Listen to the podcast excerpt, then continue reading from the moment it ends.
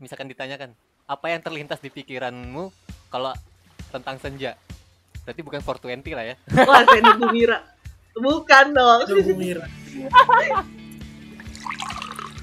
Mungkin dia tuh kayak bapak senja Indonesia. Sorry nih, gue harus mengakui itu kayak dia bapak senja Indonesia.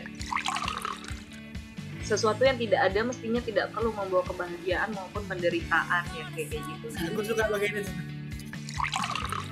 Buku gue dipinjam temen gue nih belum balik. Temen gue kalau dengerin balikin ya. Selami saja apa yang kau inginkan dan nikmatilah betapa hidup sendiri itu sangat tak mengenakan. tapi ada Oh. yang khas tentang senja buat menurut gue senja kayak anak kecil yang habis mandi terus dibedakin dengan tidak rata dia keluar rumah dengan megang duit seribu itu itu senja menurut gue itu. Jadi eh ya di sini gue bersama dua temen gue ada satu orang di mana? Condet ya? Kalian ada di Yoi. Condet? Apa kabar? Dia nge-freeze. Baik, Oh, iya, dia alhamdulillah. ya. ya walau udah di record oh udah Kedengeran nggak? oke ada siapa di sana di Condet dengan kedengeran nggak? Ada dengan siapa rame banget anjir, segambreng kayaknya. kayaknya sudah tidak asing gitu di sini ya. Kayak satu saya bintang tamu perempuan. Eh nggak lu udah dua berarti ya. Halo, kenapa kalau lo lu udah ada bintang tamu perempuan lain ya kan? Cing. Ada. Satu kayak kemarin selain lu. Yang terakhir sebelum ini. Setelah udah setahun lebih gitu akhirnya. Ada gitu. Dari dulu lu mulu. Baiklah, mohon maaf ya. ya gue juga ada Kayak lu kenapa- temen kenapa- teman perempuan. kenapa saya terus gitu loh? Iya sih. Enggak sebenarnya banyak saya Ya, nggak sebenarnya banyak. Apa? terus terus kenapa? Terus kenapa? Gue Mungkin enggak. Lah kenapa coba? Ya waktu Gila. pertama tuh karena emang sekantor dulu kan sekantor. Terus ya udah eh ngobrolin apa? Ini ya udah jadi. Yang kedua tuh karena waktu lagi ketemu lo terus akhirnya eh udah bikin ini gitu. Terus udah. Iya sih? Iya, iya, itu. iya, iya. Tapi yang pertama kan anonim. oh iya ya kan udah jadi tahu dong orangnya udah ya gue juga ada temen nih yang jauh dari Konoha boleh Halo. sapa-sapa kita semua nih. Oh iya Saya dari dari- Konoha. Tadi kayaknya dari Konoha Gakuen ya? deh. lu dari Konoha Gakuen ya Universitas Konoha Universitas Konoha anjir. Ya di sana ada Balung ya. Halo. Apa kabar Lung? Halo. Ini nggak bisa kelihatan sih ya tapi kalau dilihat nih eh gimana ya? Ya gitu deh. Yang paling niat balung kayak pakai mic beneran gitu. Kita Dijadiin cover aja balu. gua aja nggak pakai background aneh-aneh. Ini selama iya. selama karantina kamar gue nih jadi tadi studio. background. Gue nih Lah tadi dia bilang screen ini. bentar aku prepare Iya, studio iya, iya. dulu. biar rapih gue iya tadi gue liat tuh pas jap- copot tuh ijo-ijonya kelihatan itu kayak hijau gitu buset dah niat banget Enggak dia ini Oh, cuy tadi sebelum mulai dia Oh. bilang eh gue prepare studio dulu. Hai, buset. Iya. Eh, jadi sebenarnya kita mau ngobrolin apa nih? Ini kayaknya usul dari Sera gitu kan yang anak Usulnya balu. gitu kan. Oh, usul balung ya? Gue kira dari lu, Ser. Enggak dia bilang dia mau baca dia bilang eh kayaknya seru deh baca puisi ini Eh, rame-rame Ya, seru aja gitu ada- gitu. iya seru aja gitu kayak jamming puisi atau apa kayaknya seru deh Oh, iya. Boleh, boleh. Sebenarnya tuh ada terakhir yang Papilion Puisi ya, yang bulan lalu ya, tapi ya. lihat juga tuh Cuman gue gak ikut. Hilal ikut itu. terus tadi juga ada temen gue juga bikin live cuman dia di- live di apa Instagram gitu Instagram. Instagram. dia ngumpulin beberapa puisi yang mau dibacain terus dia sama temennya terus bacain gitu Hmm. Iya. Kapan-kapan kita kayak perlu bikin piknik di Zoom gitu, Sir. nah perlu tuh open gitu. Open aja kayak kayak piknik tapi di open gitu kan. Kalau kemarin-kemarin kita nge-zoom rame-rame ya udah main main apa, main Gartic, main Monopoly, main Uno gitu. Tapi semua orang jadi eh nggak tahu semua orang ya, tapi beberapa temen gue jadi tiba-tiba main kartik juga tau. sama Oh, iya. sama sama sama Karena Gara-gara ngepost kayaknya semenjak ngepost Gartik itu kayak semua Iya. orang jadi Jadi- ngeliat kok jadi pada main Zoom sama Gartik. karena gak, gak tau lagi mau main apa rame-rame ya. Yang gampang, yang seru, yang kocak, yang ringan bisa gue sampai beli monopoli loh kemarin gue beli buat di rumah. Lu main sama siapa? ya sama anak-anak rumah. Cuma berempat kan. Ya udah beli monopoli aja. Pas ini udah. Iya. Betul. gitulah ya. Jadi ya ini adalah bagian dari kita mensiasati kejenuhan apa namanya kuarantin ya. Oke. Nah jadi agendanya gimana nih? Mau Ya, kejenuhan. eh, mulai bacain dulu satu-satu yang- terus mulai cerita boleh. atau gimana kayaknya enaknya aja sih kayaknya gue pengen bacain dulu atau gue pengen cerita dulu nggak apa-apa Ya udah sekali sepaket aja dulu ya maksudnya bacain sambil langsung diceritain aja biar nggak hilang konteksnya gitu ah betul betul betul, betul. Jadi kita satu dulu nih, kalau nagih kita tambah ya satu satu judul dulu. Kalau nagih baru lanjut. ya, dari siapa kita? Oke. Om Pipa apa nih? Aduh, aduh. Om Pipa lu. Home bimbanya kayak gimana dulu? Oh, nunjukin depan Ya, kamera jadi gitu kalau ya, misalnya ya? nunjukin ke layar aja, misalnya nih hitam, ini putih gitu. Ya, ah. Lu lu lu? gue belum prepare lagi gue yang ngusulin gue yang nggak prepare Oh enggak dia live, live IG. Siapa? Belum. Lu live IG lu.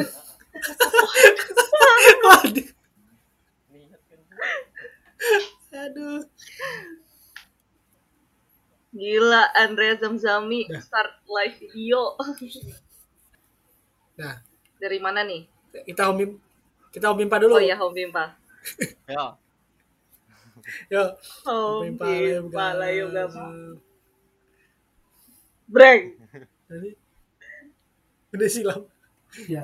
Gua pertama ya. lu. Yang lain kok delay gitu. Oke, oke. Oke, jadi ini gua bacain puisi dari dari bukunya An Mansur. Sebenarnya udah sempat gue post kemarin sih di Story. Judulnya eh, Sebelum Sendiri. hmm. Ini gue bacain puisi nomor 13. Eh, oke. Cara mencintai kau yang paling aku suka. Kau tidak mencintaiku. Ada lebih banyak perihal penting untuk tidak kukejar dan kukerjakan. Tinggal atau tinggalkan rumah, jalan jauh dan jatuh hati, dan lari dari segala yang mesti dan pasti. Setiap hari dan aku menjadi sendiri. Seperti daun lepas dari dahan menimpa bayangan sendiri di permukaan air. Aku juga mencintai diriku, tapi siapa aku? Dah. gitu. Jadi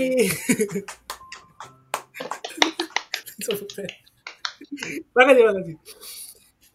Jadi kalau apa ya, ini sebenarnya buku udah udah lama sih, maksudnya gue beli eh, tiga tahun lalu Maret 2017 waktu itu pre-order gitu. Kayak emang nggak dijual di toko buku. Terus eh, yang menarik tem apa ya bahasannya tuh tentang kesendirian kan. Cuman kayak dia me, apa ya kalau kalau yang gue tangkap sih dia mengolok-olok kesendirian itu gitu. Yang biasanya eh gue tuh agak males baca puisi yang banyak aku kamunya. Di sini tuh dimainin banget aku kamunya gitu sehingga jadi jadi unik. Kayak di bait pertama deh bait pertama dia bilang cara mencintai kau yang paling aku suka kau tidak mencintaiku. Jadi kayak eh dia tuh seneng justru dia suka sama orang walaupun orang itu nggak suka sama dia. Ya kayak gue pengen dia pengen rasa itu punya dia sendiri aja gitu. Dan eh kayak apa ya di masa-masa sekarang ini di kondisi yang gue rasa tuh sangat banyak waktu buat kita bisa sendiri karena terpaksa diasingkan oleh keadaan. Jadi jarang ketemu orang segala macam gitu. Kayak apa ya kontemplasi tentang eh, kesendirian makna tentang eh, diri lu sendiri tuh kayak lebih apa ya lebih asik aja gitu buat didalamin kayak gitu. Makanya gue gue eh, kenapa milih puisi ini? Kayak itu. Itu sih. Dan yang baik terakhirnya sih eh apa ya gue gue bingung menjelaskannya tapi ya dia men- dia bertanya tentang siapa akunya itu untuk ke diri dia sendiri atau untuk ke orang lain kayak gitu. Jadi entah untuk merendahkan diri sendiri di depan diri sendiri atau ke orang lain gitu.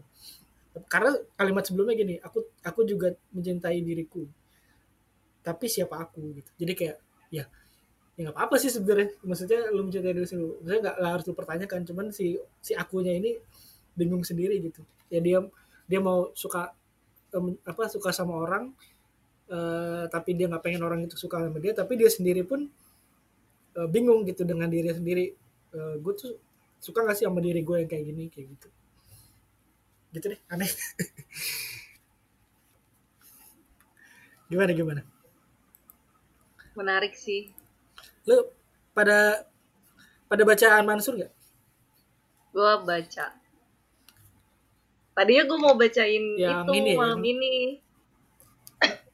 melihat api bekerja? Iya, tapi gue ganti. Kayaknya malam ini gue baca cerpen deh.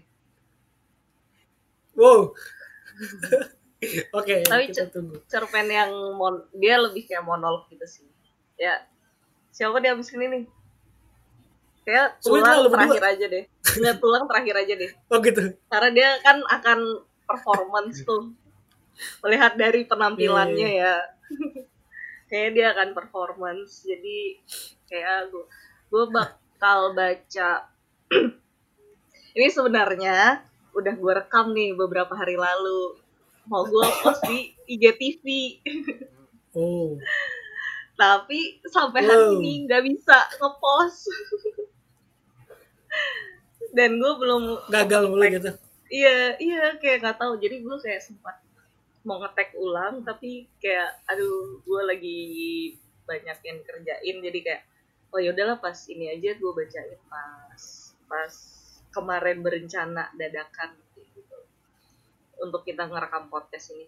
Iya. Eh, judulnya Senja di Pulau Tanpa Nama Eh, karya dari Seno Gumira Aji Dharma dari cerpen eh, jadi dia di dulu pernah di buku Lingwae terus sekarang ada di buku kumpulan cerpen Sepotong Senja untuk Pacarku ini sebenarnya udah lama. Dan ini Hmm. eh, kalau orang-orang heboh dengan eh, suratnya Sukap dan eh, untuk Alina yang katanya romantis, eh, gue selalu suka bagaimana si siapa?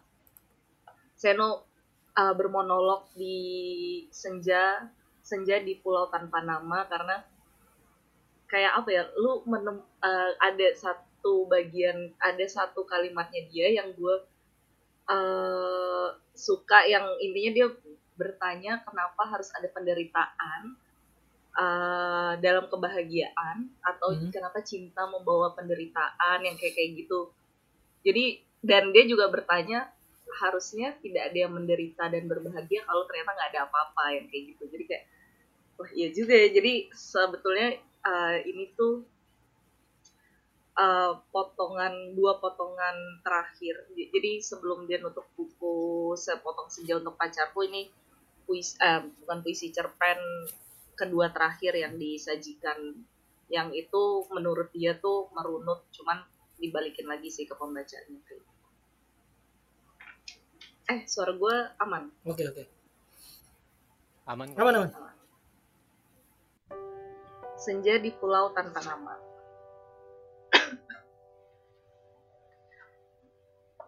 Seperti Kawabata, aku mencintai seorang perempuan yang tidak pernah ada. Jika dia memang ada, tentunya ia sedang berdiri di sana, di pulau tanpa nama itu.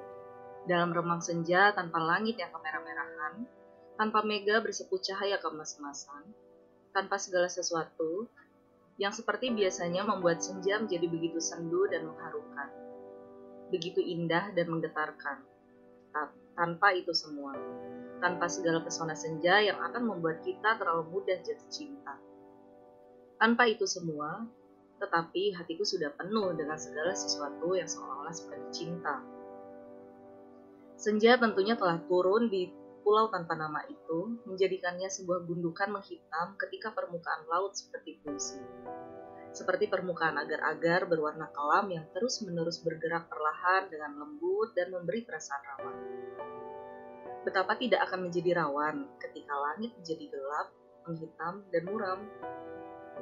Hanya ada sedikit mega di sana dengan sisa-sisa cahaya yang sudah sangat terlalu remang dan meski keremangan bukanlah kegelapan, tetapi keremangan lebih memberi perasaan rawan daripada kegelapan. Tentunya di sanalah aku dengan perahu motorku terbang di atas ombak dalam keremangan senja yang menguji ketabahan. Betapa tidak akan menguji ketabahan jika sesuatu yang sudah seolah-olah seperti cinta masih juga tidak memberi jaminan kebahagiaan.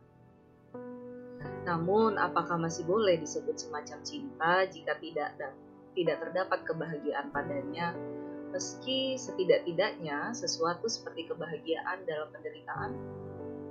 Tetapi siapakah yang terlibat dalam kebahagiaan dan penderitaan sebenarnya? Perempuan itu tidak pernah ada, meskipun aku sedang menuju ke arahnya. Dan sesuatu yang tidak ada mestinya tidak perlu membawa kebahagiaan maupun penderitaan. Hanya ada senja dan seorang perempuan yang tidak ada tetapi yang tetap menunggu dengan segala kemungkinannya dan aku sedang menuju ke sana untuk menjemput kemungkinan-kemungkinan itu.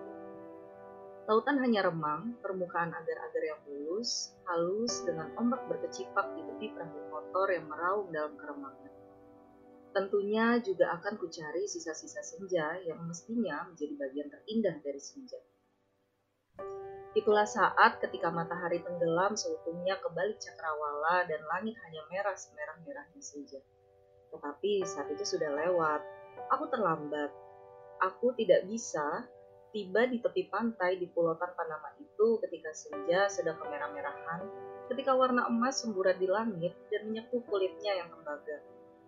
Perempuan berkulit tembaga itu mengenakan kain sebatas dada dengan rambut tergerai kecoklat-coklatan dan warna kulitnya yang tembaga menjadi kemas-kemasan dalam cahaya senja, dan tentunya aku sedang menuju ke arahnya. Namun, senja sudah sampai kepada batasnya. Perahu motorku melaju dalam keremangan menuju ke pulau tanpa nama.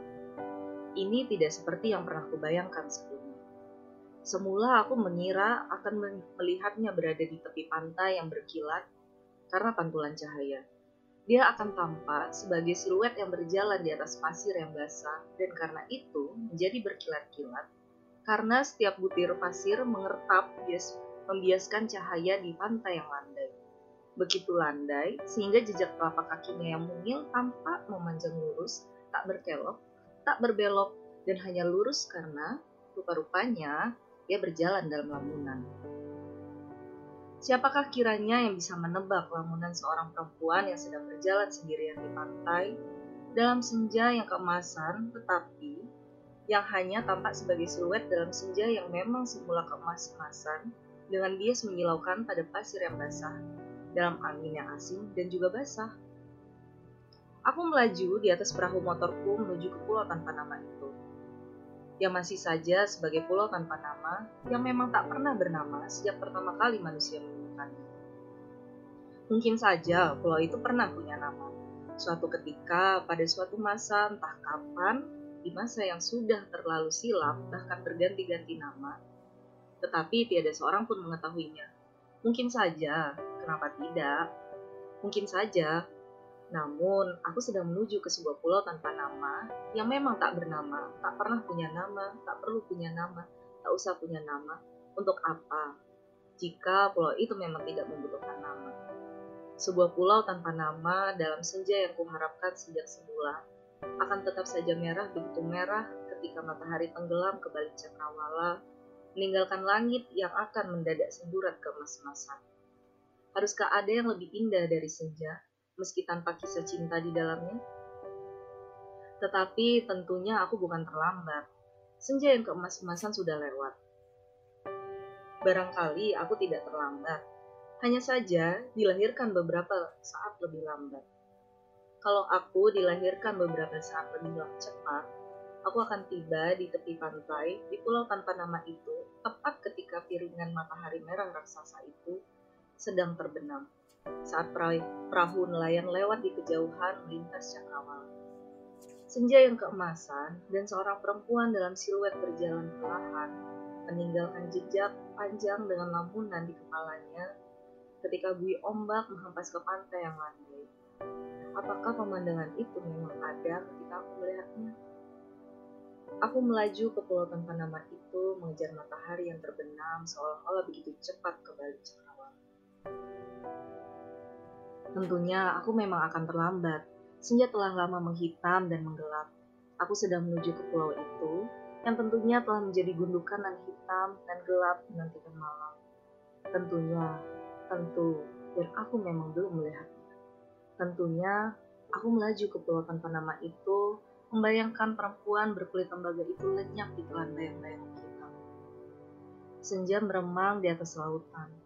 Kalau aku tidak terlambat, aku masih akan bisa melihatnya. Perempuan itu mungkin masih setia dalam penantian di tengah keremangan. Tiada lagi senja kemerahan, tiada lagi senja keemasan. Tiada lagi pemandangan mengesankan karena memang tiada lagi siluet seorang perempuan berambut panjang mengenakan kain sebatas dada yang berjalan di pantai dengan kaki telanjang maupun jejak yang panjang di atas pasir basah yang menertapkan cahaya keemasan. Tiada lagi karena yang tersisa hanyalah keremangan. Dengan sisa sedikit saja cahaya di balik mega, sisa cahaya yang membuat keremangan bertahan dalam kegelapan. Tiada lagi senja yang kemasan, tapi ini masih senja, bukan senja yang kemerah-merahan, melainkan yang remang menjelang malam. Ini masih sebuah senja di sebuah pulau tanpa nama yang menghitam dan perempuan itu masih mungkin berada di pantai menatap lidah-lidah ombak yang masih saja berdebur dan menghempaskan, meninggalkan busa yang mendesis ketika diserap pasir, basah dalam gelap. Permukaan laut masih tampak seperti agar-agar tentunya, agar-agar yang ungu, membiru, dan akhirnya menggelap, tapi masih saja tampak menjelang gelap yang tentunya akan menjadi gelap segelap-gelap malam. Tentunya karena ini masih senja, senja yang nyaris gelap, nyaris tapi belum menjadi benar-benar gelap. Dan apakah kiranya yang bisa kita saksikan dalam kegelapan yang pekat, begitu pekat, sehingga tiada lagi yang bisa dilihat selain gelap. Juga tentunya karena aku tidak yakin semua ini akan menjadi nyata, meski seperti mengharapkannya.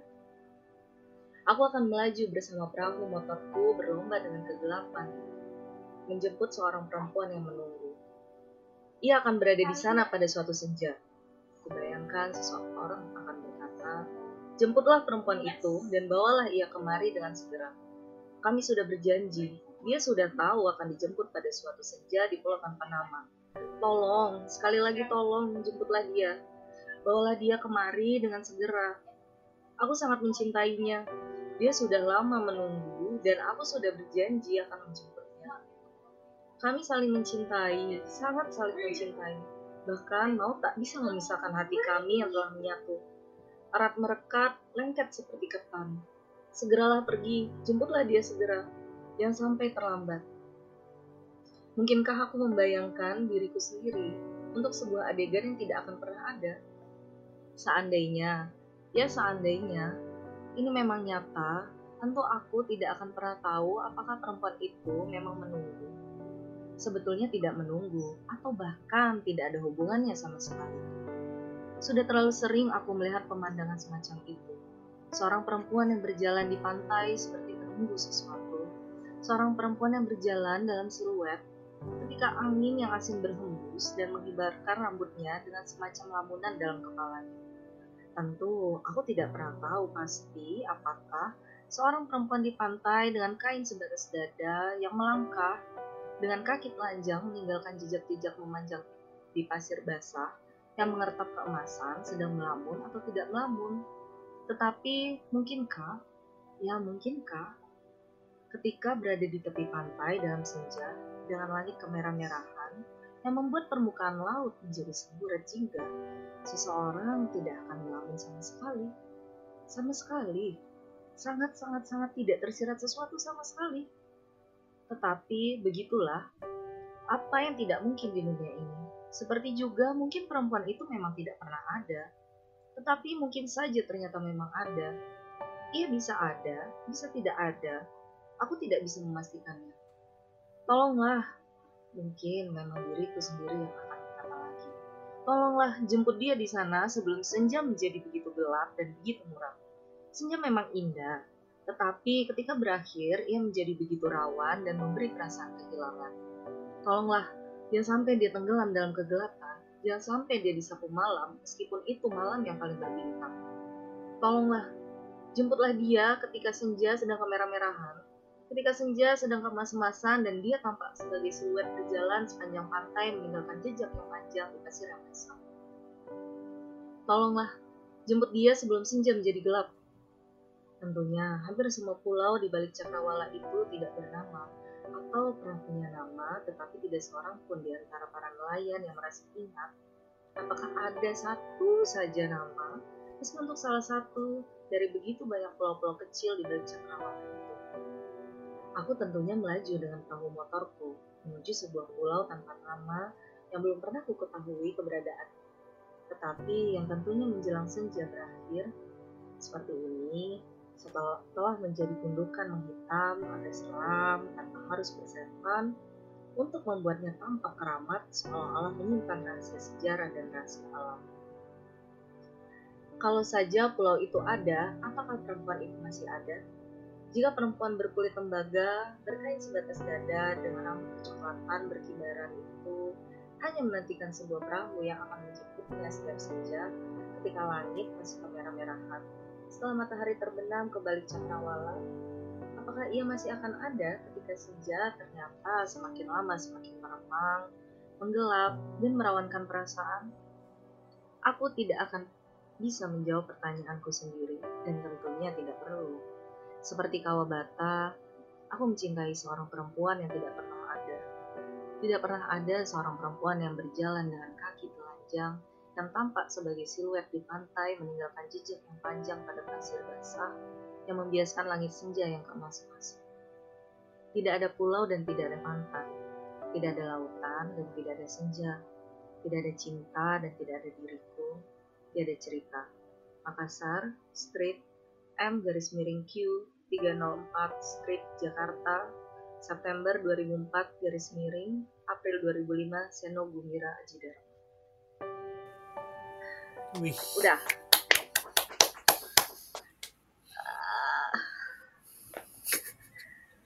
Dari semua Oke, cerpennya ada yang mau lu Seno, ceritain?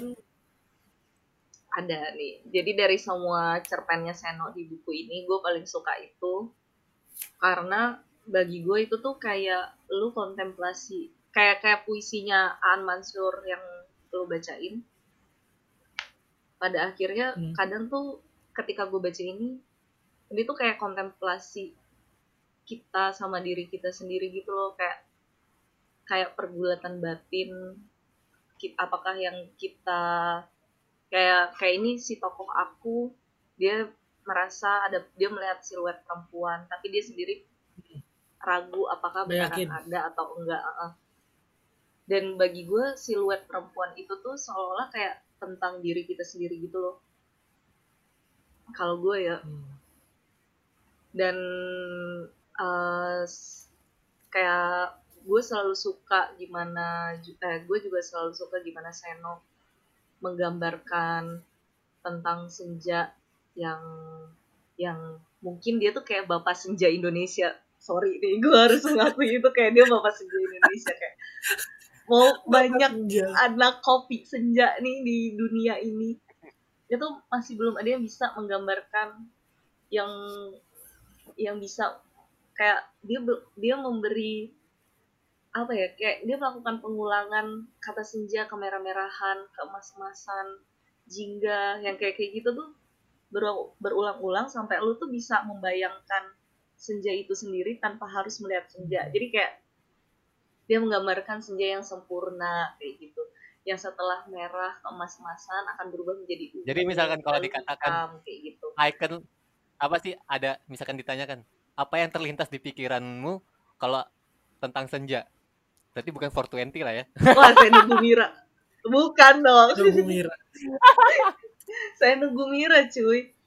Kayak sampai dia tuh nulis di buku sepotong senja nih di catatan penulisnya dia di pengantarnya dia dia tuh kaget kalau ternyata eh cerpennya dia yang sepotong senja suratnya sukap untuk Alina itu sering dipakai orang-orang tapi diganti nama Alinanya oh ya ya ya ya jadi betapa dia tuh Buat gombalin orang ya? inspirasi anak kopi Buat senja modusin orang. cuy iya buat modusin orang sampai kalau lu beli bukunya lu tuh akan dapat kertas kayak kertas surat itu bagian nama Alinanya tuh diganti di dikosongin di titik-titik. Jadi lu kalau mau ngasih ke pasangan lu atau gebetan lu lu tinggal ngisi cuy. Dipermudah Seno.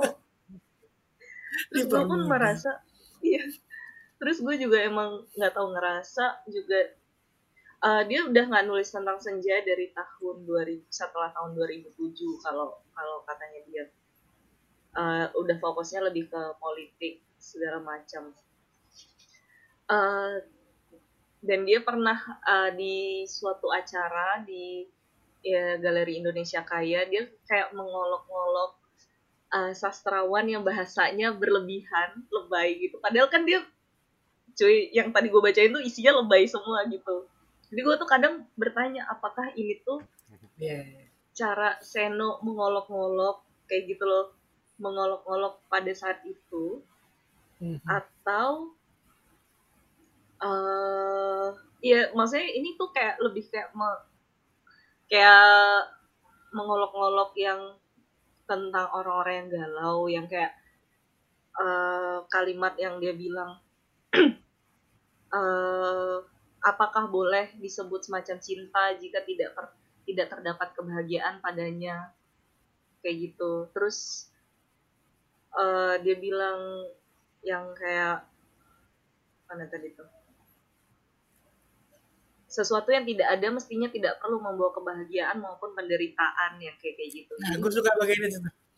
iya tuh nah gue tuh juga suka gara-gara tidak itu- gara-gara iya gara-gara kalimat itu kayak apa ya kayak Sesuatu dan yang sesuatu tidak yang ada. tidak ada mestinya tidak ter- tidak perlu membawa kebahagiaan maupun penderitaan kayak benar juga sih tapi kayak sebenarnya Itu dia tuh lagi apa cing Ditanam di awal itu kayak ditanam di awal terus di akhir di makin jelas lagi tidak ada senja, tidak ada iya laut, tidak ada perahu. kayak iya jadi sebenarnya gue tuh gue tuh cuman ngebayangin hal yang ideal aja sebenarnya tapi kenapa gue harus iya eh, merasa sedih atau bahagia sementara yang gue bayangin tuh nggak ada sebenarnya gitu iya iya itu kayak Hmm. iya kenapa lu harus sedih ataupun berbahagia untuk sesuatu yang itu cuma dalam hayalan Itu lu ada. Dan dia sebenarnya si Seno nih Iya. kayak sering ngomongin senja dan cinta itu adalah sesuatu yang fana. Karena senja tuh fana. Kayak gitu. Senja kan hanya sementara. Enggak cuy. Yang Fana tuh merah jambu itu ya. kayak waduh. Ya ya ya ya ya ya maaf ya ya ya ya bisa Ya, bisa. lanjut. jadi dia kayak bilang jadi kalau di dunianya Seno tuh kayak sukap itu artinya rakyat kayak gitu mewakilkan rakyat. Eh, terus habis itu senja itu tuh dia menggambarkan senja tuh yang kayak kehidupan yang fana aja kayak gitu. Karena eh ya senja tuh hanya lewat sebatas lewat tapi nggak semua orang bisa menikmati sesuatu yang fana itu.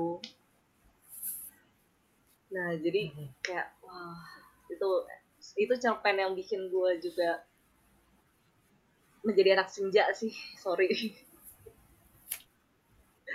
Cerpennya bukan bukan suratnya sukap tapi cerpen yang tadi gue bacain. Udah sih itu. Dari lulung gimana? Pendengar senja-senjaan ini. Kok habis nih? oh ininya zoomnya abis gue bikin lagi ya. Iya. sambil cerita aja. Oke. apa tadi mengenai senja Hmm. apa ya gua gue tuh nggak punya nggak punya apa sih waktu tersendiri mana malah, malah menurut gue tuh kayak waktu momentum yang pas buat gue tuh jam 3 pagi jam 2 sampai jam 3 pagi Gila, anak tiga pagi ya masnya ya. anjing tahu.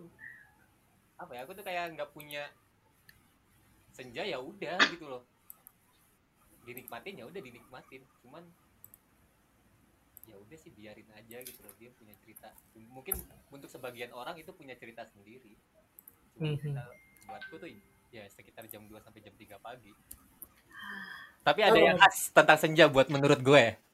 Apa tuh? Apa? dan itu menurut gue itu kayak wow senja kayak anak kecil yang habis mandi terus dibedakin dengan tidak rata dia keluar rumah dengan megang duit seribu itu itu senja menurut gue itu itu senja menurut Gua kalau itu ingat ade lu tuh yang paling kecil lu. itu penggambaran ini ya banget tuh gue ingetnya ade lu tuh. Kayak gitu. Sore-sore udah mandi, bedakin terus keluar rumah bawa duit. iya betul betul Oke, lanjut. gue nih ya Lanjut. Yoi lah. tapi sebelumnya gue pengen bilang ya gue tuh nggak pernah enggak sih jarang jarang banget baca buku puisi tuh jarang banget gue nggak mencintai apa nggak mengidolakan apa penulis atau siapa nggak ada yang gue idolakan cuman nggak tahu Hmm. kalau misalkan gue baca sesuatu ya kalau emang gue suka itu gue suka gitu loh dan gue sekarang nggak belum menyiapkan puisi apa pun yang gue baca nih Jadi lu mau bawain apa nih? Jadi gue gue cerita dulu sih. Tadi sebenarnya sebelum sore tadi gue apa sempet ngobrol sih sama temen gue. Gue gue cerita sama temen gue. Gue ngerasa ini gue kayak cerita tentang diri gue ya. Ya, ya. gue ngerasa Maret tuh menjadi bulan yang sangat apa ya? Ya dibilang sedih sih enggak ya iyalah iyalah kayaknya banyak beberapa banyak hal yang terjadi di setiap bulan Maret terutama di awal tahun ya di, di awal tahun tuh banyak gue selalu mendapati rasa yang sama di awal tahun gitu loh Mhm. Gue selalu mendapati rasanya dan gue itu baru sadar gue baru sadar terus kayak gue mikir-mikir lagi. Anjir ternyata kayak tahun lalu tahun sebelumnya kayaknya gue setiap awal tahun dan setiap kayaknya memuncak di bulan Maret itu kayak selalu mendapati rasa yang sama gitu. Gue gue juga kadang bingung gue kenapa bisa kayak tiba-tiba mood gue bisa naik turun bisa berubah drastis dengan cepat gitu loh. Mhm. bisa tanpa alasan kayak gitu Itu tiap awal tahun. ya ya setiap awal tahun Oke. dan ter- dan kayak Maret banyak hal yang begitu bukan menyebab apa ya ya mau nggak mau emang itu harus dijalanin gitu loh Nah, suka nggak suka Kayaknya aku tahu teman kamu deh tuh. oh mungkin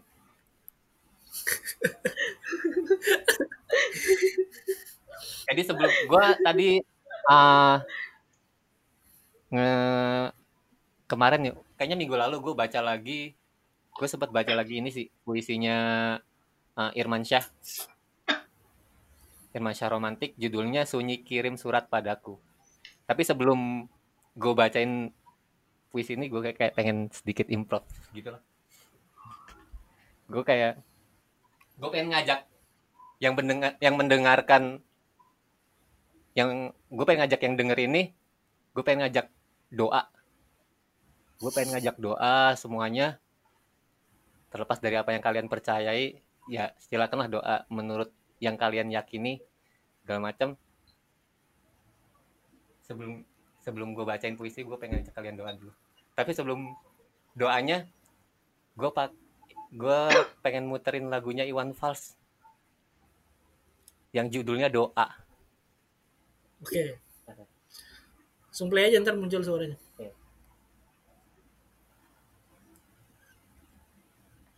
Aku minta kalian tutup mata ya, tutup mata, kalian doa dengan tulus kalian masing-masing. Terserah kalian doa mau apa aja. Yang kalian yakin, yang kalian inginkan. Eh, salah.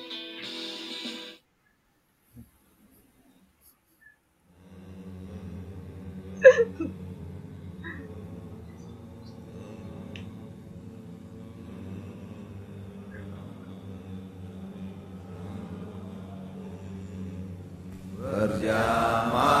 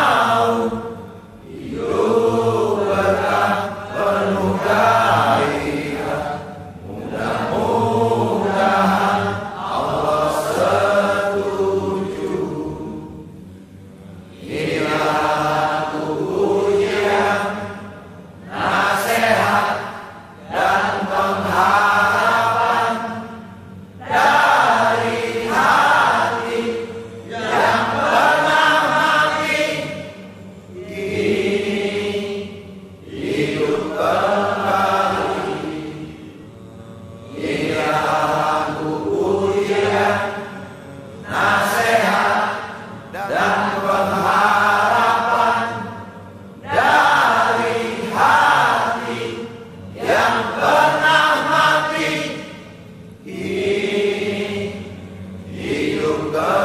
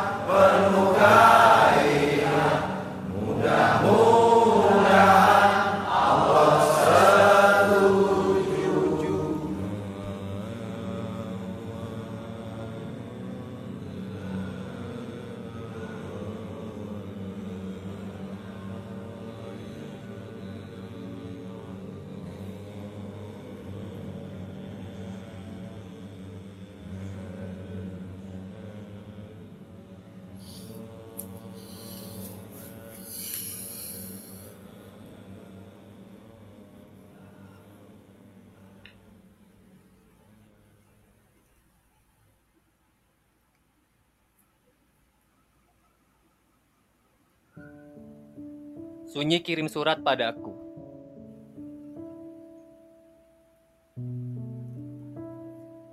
Kalau ingin menyelami sepi, masuklah ke jantungku. Sebuah panorama tak terduga. Bangku panjang diri. Di atasnya lumut bercampur embun yang kemarin membeku dalam dingin dan tak mampu diduduki lagi. Kereta takkan pernah datang walau ditunggu dalam sejuta musik. Sebuah stasiun yang tak lagi terpakai. Kalau ingin menegur malam, ucapkan apa saja di sana. Kau akan mendengar musik kesunyian yang panjang, diiringi requiem yang amat mengerikan.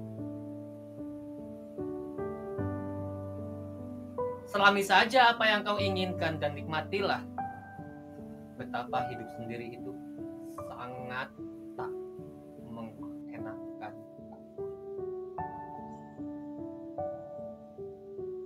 Kalau kau tak sanggup dengan cuaca yang kini ada di dalam dirimu, keluarlah. Ucapkan selamat tinggal dan kirim surat padaku tentang sunyi yang kau rasa dari jantungku yang kau tinggalkan. Sayong 1994 Wih. Terus gue pengen gue jadi gue punya buku puisi. Gue punya buku puisi belum gue buka nih. Apa? Gue buka. Judulnya Kasmaran. Kasmaran Sepilihan. Karyanya Usman Arumi. Ini prolognya sih. Prolognya pas Sapardi sih. Gitu. Gue beli kapan ya? Kayaknya bulan November lalu deh. Gue pengen baca. Kayak nyari aja sih. Gue pengen bacain satu puisi ngacak Ngakak kocak ya. ngakak kocak. Ngacak.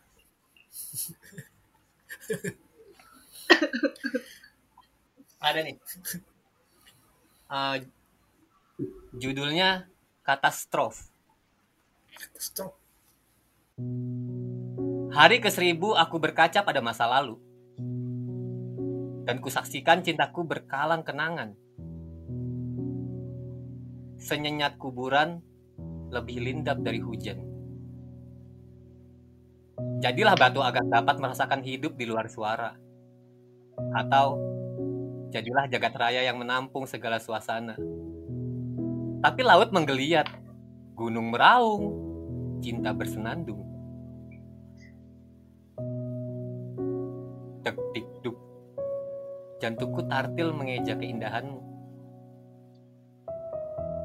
Berdenyut nadiku fasih membaca desir senyummu. Tapi seketika cahaya padam.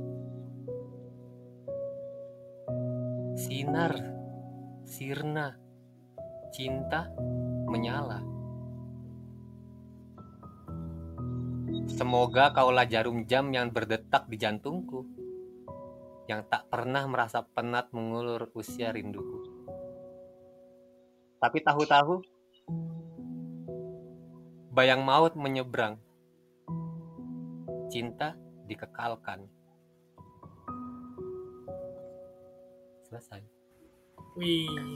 Lalu ada suara tukang bakso lewat. Lo kok masih jualan?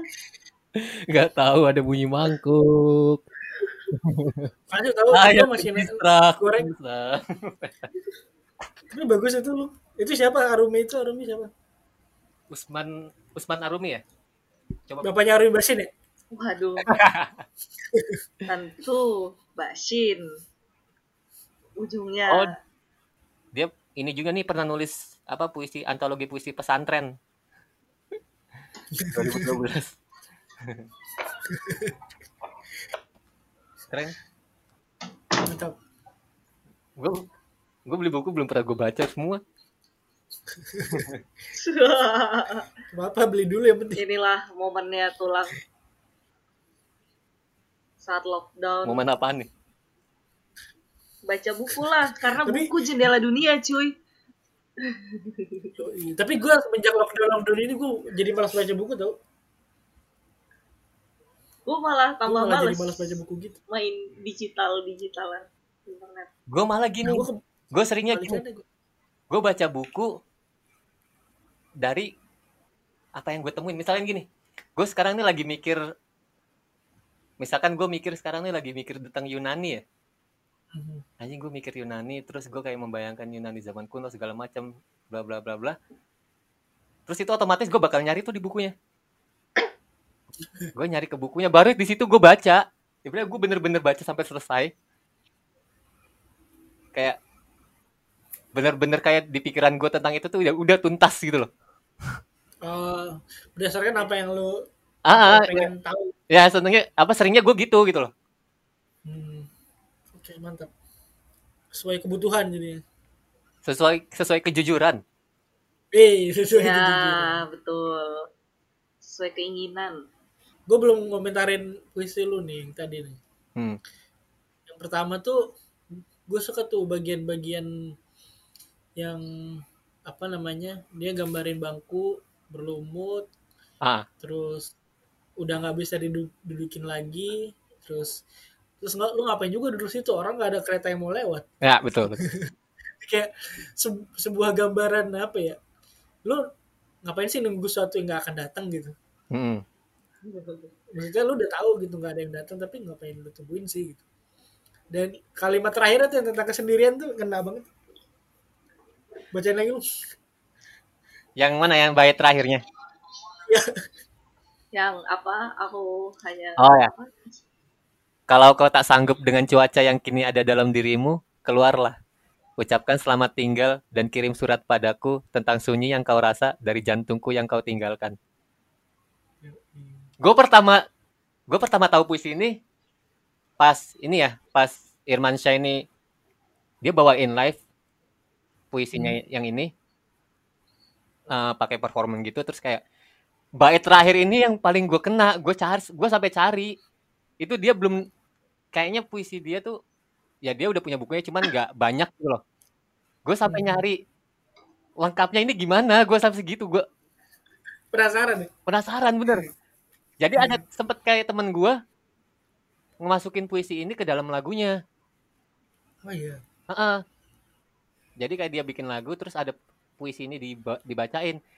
Cuman gue nggak denger gue sampai denger denger nih kayak anjir ini kayak ada kata yang nggak kedengeran nih apaan ya? Sampai segitu gue sekitar dua tahun eh tiga tahun ya. Tiga tahun gue nggak nemuin fullnya. Dan akhirnya romantik ngepost di Instagramnya. Anjing. Ternyata dia ngepost sendiri. Sesuatu yang udah lu cari-cari bertahun-tahun. Iya, heeh, heeh. Anjing. Ya lah, kenapa gue nemuinnya akhirnya di Instagram sih gitu loh. Enggak sebenarnya gue bisa aja sih langsung nanya gitu loh. Cuman gak seru ya ah, kayaknya nggak seru deh. kurang ada perjuangannya mencari sesuatu Iya, heeh.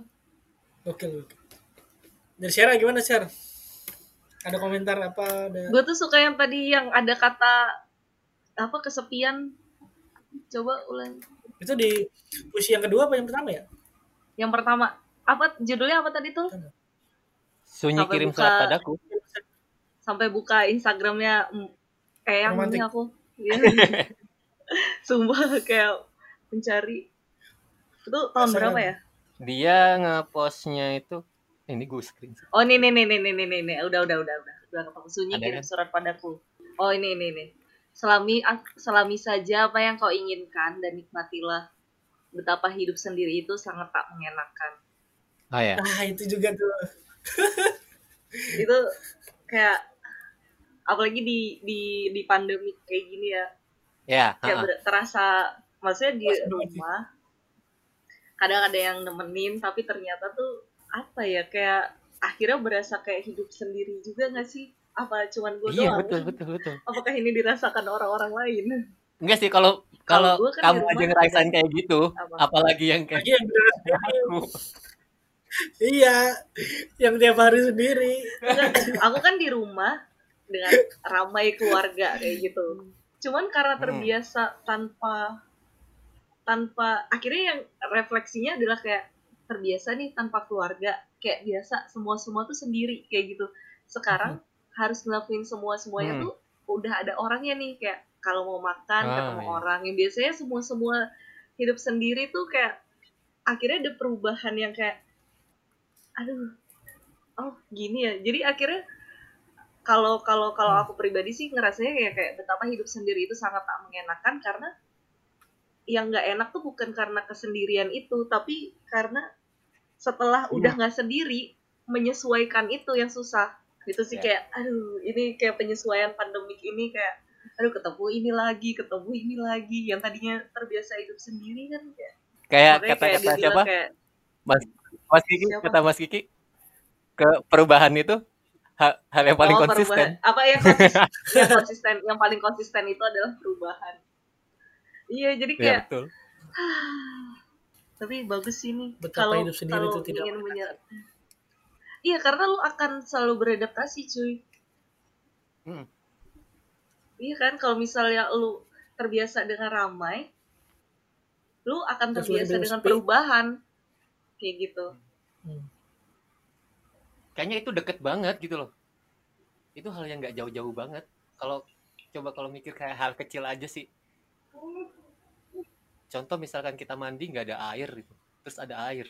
Kayak kita disesuaikan juga gitu loh kita harus green screen jatuh tuh oh iya. Konoha rubuh. Konoha longsor. Eh, gue baru sadar deh, emang di belakang Konoha ada kota-kota gitu ya, ada gedung-gedungnya. ada. Ada. Itu di mana?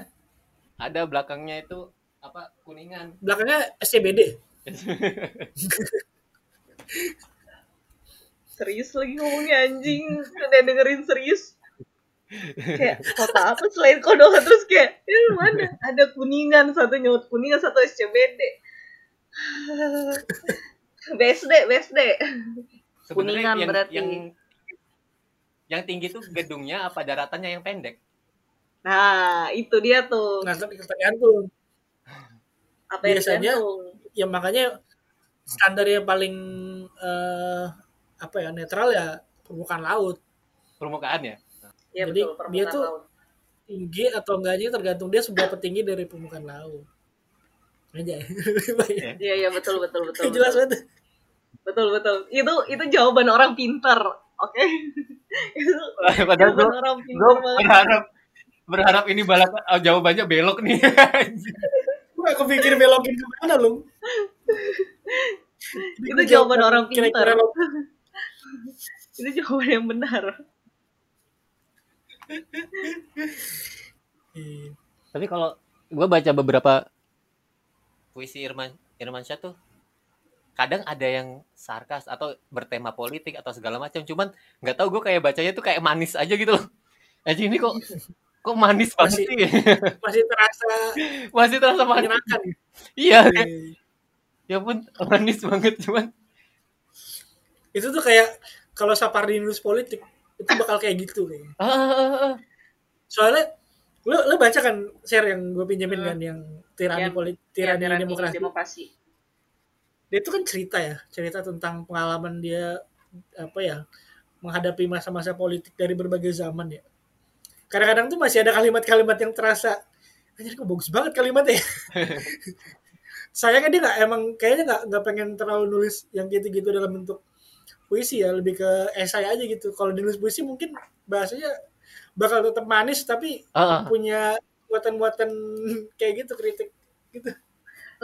makanya kenapa gue suka Seno dia tuh kan kalau apa uh, Irmansyah dia tuh dalam bentuk puisi nah kalau Seno tuh dalam bentuk Hmm. cerpen tentang bentuk politik cerita cerita ya dalam bentuk ya cerita yang itu dia tuh pakai kata-kata manis gitu loh. Jadi ya kayak dia mau ngomongin tentang uh, insiden di Timor Leste itu tetap aja pakai ada selingan-selingan surat-surat cinta atau perempuan yang dia kayak dia ada tokoh perempuan. Tapi tetap aja perbincangannya tuh perbincangan politik yang dikemas manis. Jadi kayak jadi antara lu lu merasakan jatuh cinta dan patah hati di waktu yang sama ngerti gak sih lu patah hati karena dia secara gamblang menjelaskan uh, insiden itu insiden Timor Leste politiknya. Hmm. tapi ya politik eh, ya fakta-fakta politik dan hal-hal kemanusiaan lainnya pelanggaran kemanusiaan lainnya tapi di satu sisi dia menggunakan bahasa-bahasa manis yang kayak orang jatuh cinta. Jadi Nah, kayak dia, dia main analogi analogi juga gak sih? Iya main analogi. Nggak tahu kalau makanya itu kayak Heeh. kalau Kayak- kalau An Mansur ya di melihat api bekerja tuh di puisi yang iya iya Melihat kayak kayak api melihat api bekerja gitu. Kayak lu sumpah itu tuh melihat iya. Anjir. lu Gue lu jatuh Itu tuh cinta dan patah hati patah hati tapi lu marah juga. iya tapi iya itu itu. masih romantis. Ya. iya iya iya. lu lu, pat- lu lu marah dan patah hatinya tuh bukan karena perasaan cinta tapi karena si si Kondisi- baga- ya kondisi kondisi di kota itu kan yang digambarin sama dia. Tapi endingnya tuh yang kayak ah, baca baca baca baca cing. Aduh lu kagak ini lagi ya nggak ada Gua Google bukunya ya. gue google aja ada baca baca baca cing gue kalau baca itu tuh ikutan marah tapi gue ikutan senyum gitu loh aja buku gue dipinjam temen gue nih belum balik. Temen gue kalau dengerin balikin ya. Apa? Kemarin gila kemarin nodong ini. nodong buku lewat podcast. Kemarin Aan Mansur kan ini kan apa dia flashback gitu waktu ngerjain buku ini kan berapa tahun lalu. Dia ngepost kan tentang behind the scene terus cerita tentang dia waktu collab sama MT terus gue mention temen gue dong. Eh ini masih di lu gak sih? Oh iya masih di gue oh ya udah gak apa yang penting masih di lu. Nah ini nih. Gue bacain ya. Ya. Melihat api bekerja. Di kota ini, ruang bermain adalah sesuatu yang hilang dan tak seorang pun berharap menemukannya. Anak-anak tidak butuh permainan. Mereka akan mem- memilih kegemaran masing-masing setelah dewasa. Menjadi dewasa bukan menunggu negara bangun. Menjadi dewasa adalah menu favorit di restoran cepat saji. Para tetangga lebih butuh pagar tinggi daripada pendidikan. Sekolah adalah cara yang baik untuk istirahat berkelahi di rumah. Anak-anak membeli banyak penghapus dan sedikit buku. Terlalu banyak hal yang mereka katakan dan gampang jatuh cinta. Mereka menganggap jatuh cinta sebagai kata kerja dan ingin mengucapkannya sesering mungkin. Mereka tidak tahu jatuh cinta dan mencintai adalah dua penderitaan yang berbeda. Jalan-jalan dan rumah kian lebar. Semakin banyak orang yang hidup dalam kehilangan. Harapan adalah kalimat larangan, sesuatu yang dihapus para polisi setiap mereka temukan di pintu-pintu toko. Hidup tanpa curiga adalah hidup yang terkutuk. Kawan adalah lawan yang tersenyum kepadamu. Selebihnya, tanpa mereka tahu, sepasang kekasih diam-diam ingin mengubah kota ini jadi abu. Aku mencintaimu dan kau mencintaiku, meskipun tidak setiap waktu. Kita menghabiskan tabungan pernikahan untuk beli bensin. Kita akan berciuman sambil melihat api bekerja. ah puisi bagus banget Kemarin gue sampai ada sampai yang dua minggu lalu apa tiga minggu lalu gue lagi ke beli nasi goreng di pinggir jalan Hmm. dekat pavilion gitu. Terus kayak gue ngeliat kan kayak ngeliat abang masak nasi goreng itu. Itu kalau nggak salah habis hujan gue gue eh, apa lagi beli makan sama temen gue ngeliat abang nasi goreng gitu kan apinya kan biru yang nyala banget kan kalau ditunggu gitu kan. Iya, terus kayak tiba-tiba terlintas puisinya itu yang kayak bagian apa selebihnya tanpa mereka tahu sepasang kekasih diam-diam ingin mengubah kota ini jadi abu iya. aku mencintaimu terakhir tuh bangsa. kau mencintaiku Kau pun menyintai. meskipun tidak setiap waktu Meskipun tidak sesering itu. Kayak, itu harus gue bacain kita kalau menghabiskan gue tabungan tuh kayak pernikahan untuk beli bensin kompor kompor gue apinya kecil banget kompornya apinya kecil.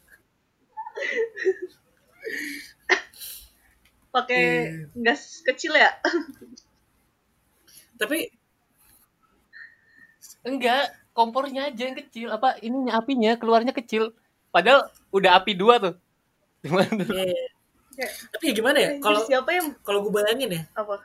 kalau gue bayangin tuh sebenarnya eh si tokoh aku dan pacar pasangannya itu itu tuh sebenarnya menarik loh kayak entah ya gue gue bayanginnya kalau mereka tuh kayak dua orang eh, yang punya alerta alerta kema- nggak nggak nggak se nggak se apa ya nggak se ekstrim itu. Menurut gue kayak ya udah sesederhana dua orang yang punya mimpi terhadap kota itu dan dia mereka mereka membuat sesuatu gitu dengan dengan apa namanya eh sumber daya yang mereka punya maksudnya mungkin nggak nggak gede nih atau apalagi kalau di istilah dia tabungan pernikahan kan kayak ya mungkin sekedar bikin sebuah gerakan kecil atau kolektif apa something yang menurut dia tuh aku bisa nih bangun kota ini dari sini kayak gitu.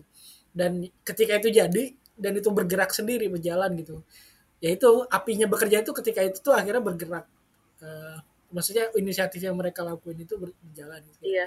anjir romantis banget itu Tapi itu anjir sih kayak sorry pasangan progresif mas.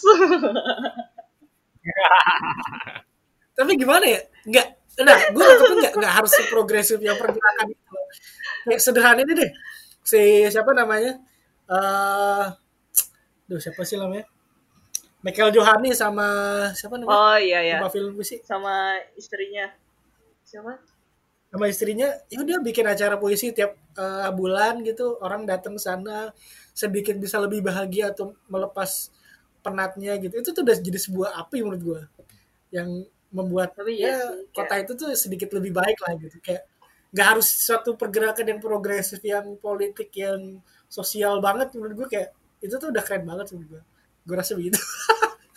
Gak Kalau kalau gue sih yang gue suka kesel setelah baca ini tuh kayak anjir dari sekian banyak orang yang nulis puisi, kenapa cuma Aan Mansur yang kepikiran kalimat sederhana yaitu adalah kita akan berciuman sambil melihat api bekerja. Kayak dari semua orang yang Ini tuh. nulis, dari sekian banyak penulis dan sastrawan, kayak kenapa dia gitu loh? Kenapa Ya.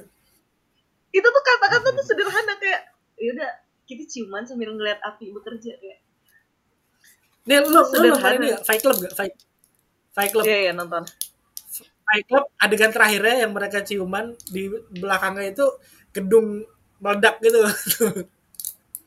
Kayak gitu. Kayak itu kan gambarannya sederhana gitu. Maksudnya itu kan gambaran ekstrimnya kan? Kayak lu apa ya lu akhirnya merayakan eh, suatu hasil dari apa yang lu upayakan gitu kan walaupun hasilnya itu ya mungkin harus eh, penghancuran terhadap suatu gitu kan.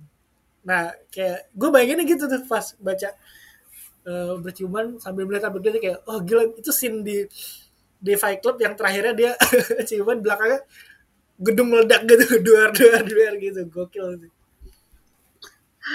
Kayak kalau itu kan di kalau Fight Club kan literal banget ya kayak Iya, ini tuh kayak kalau ini ya bisa lebih macam-macam iya kayak terus yang sesederhana kalimat yang itu aku mencintaimu dan kau mencintaiku meskipun tidak setiap waktu kayak.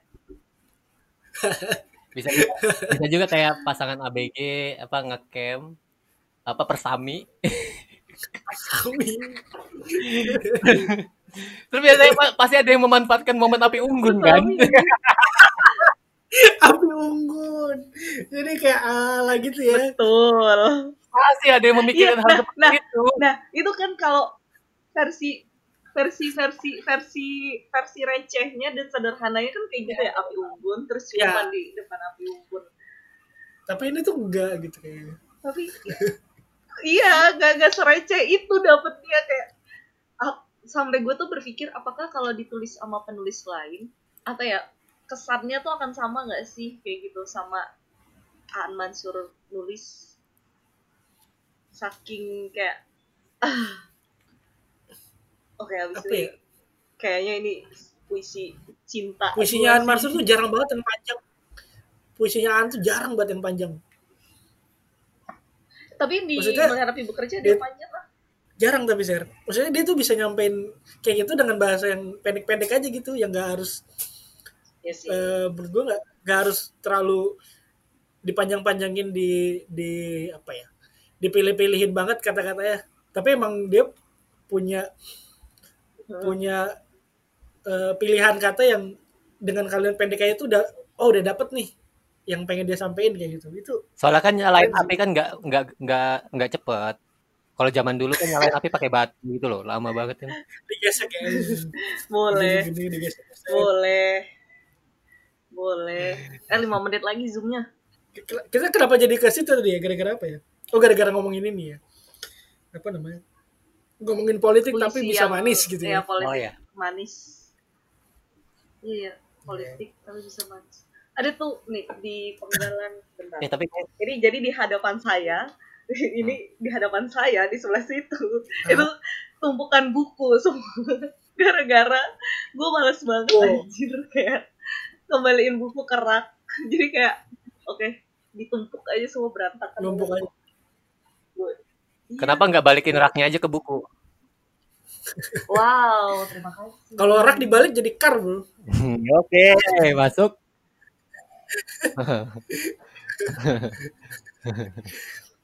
Iya iya iya iya iya. iya. Siapa masuk?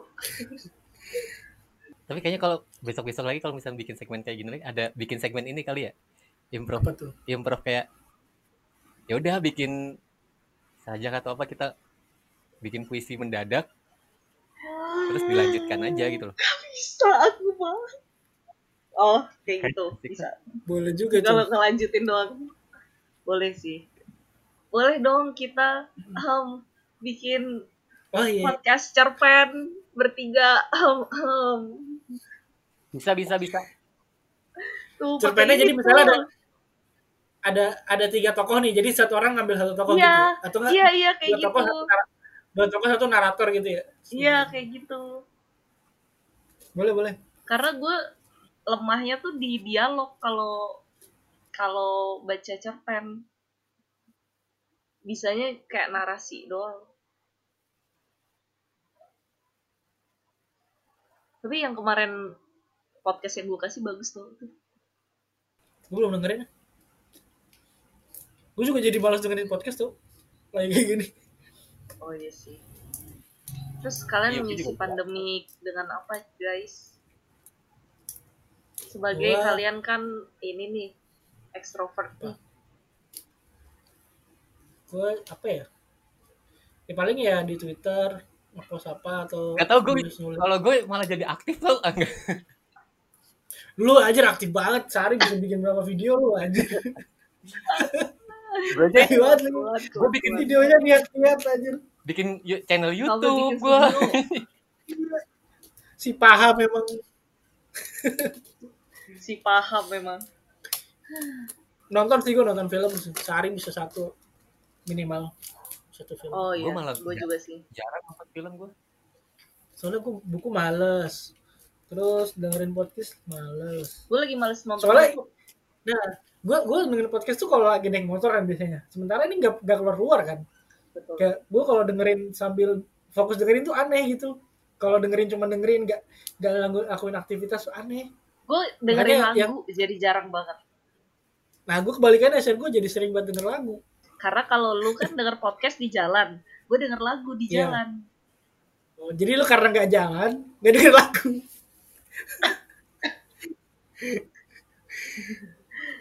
gitu ya.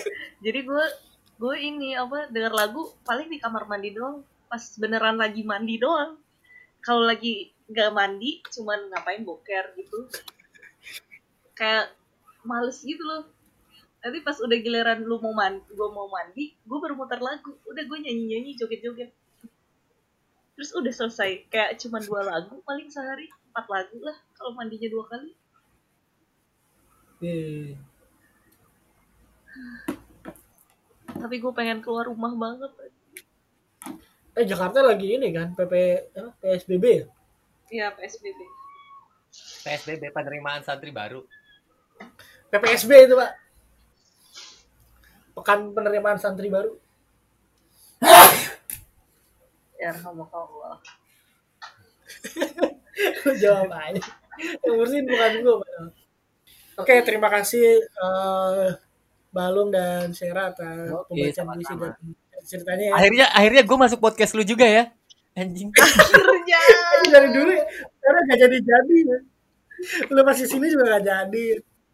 Padahal waktu itu ini loh yang terakhir lu ke sini yang gue ajak ke studio gue sama anak cuman jauh sih di Bekasi. Oh Tapi iya. rekamannya enak. Nggak jadi waktu itu. Oke. Deh, thank you ya. Yo. Makasih juga yang udah dengerin sampai sini. Lagi.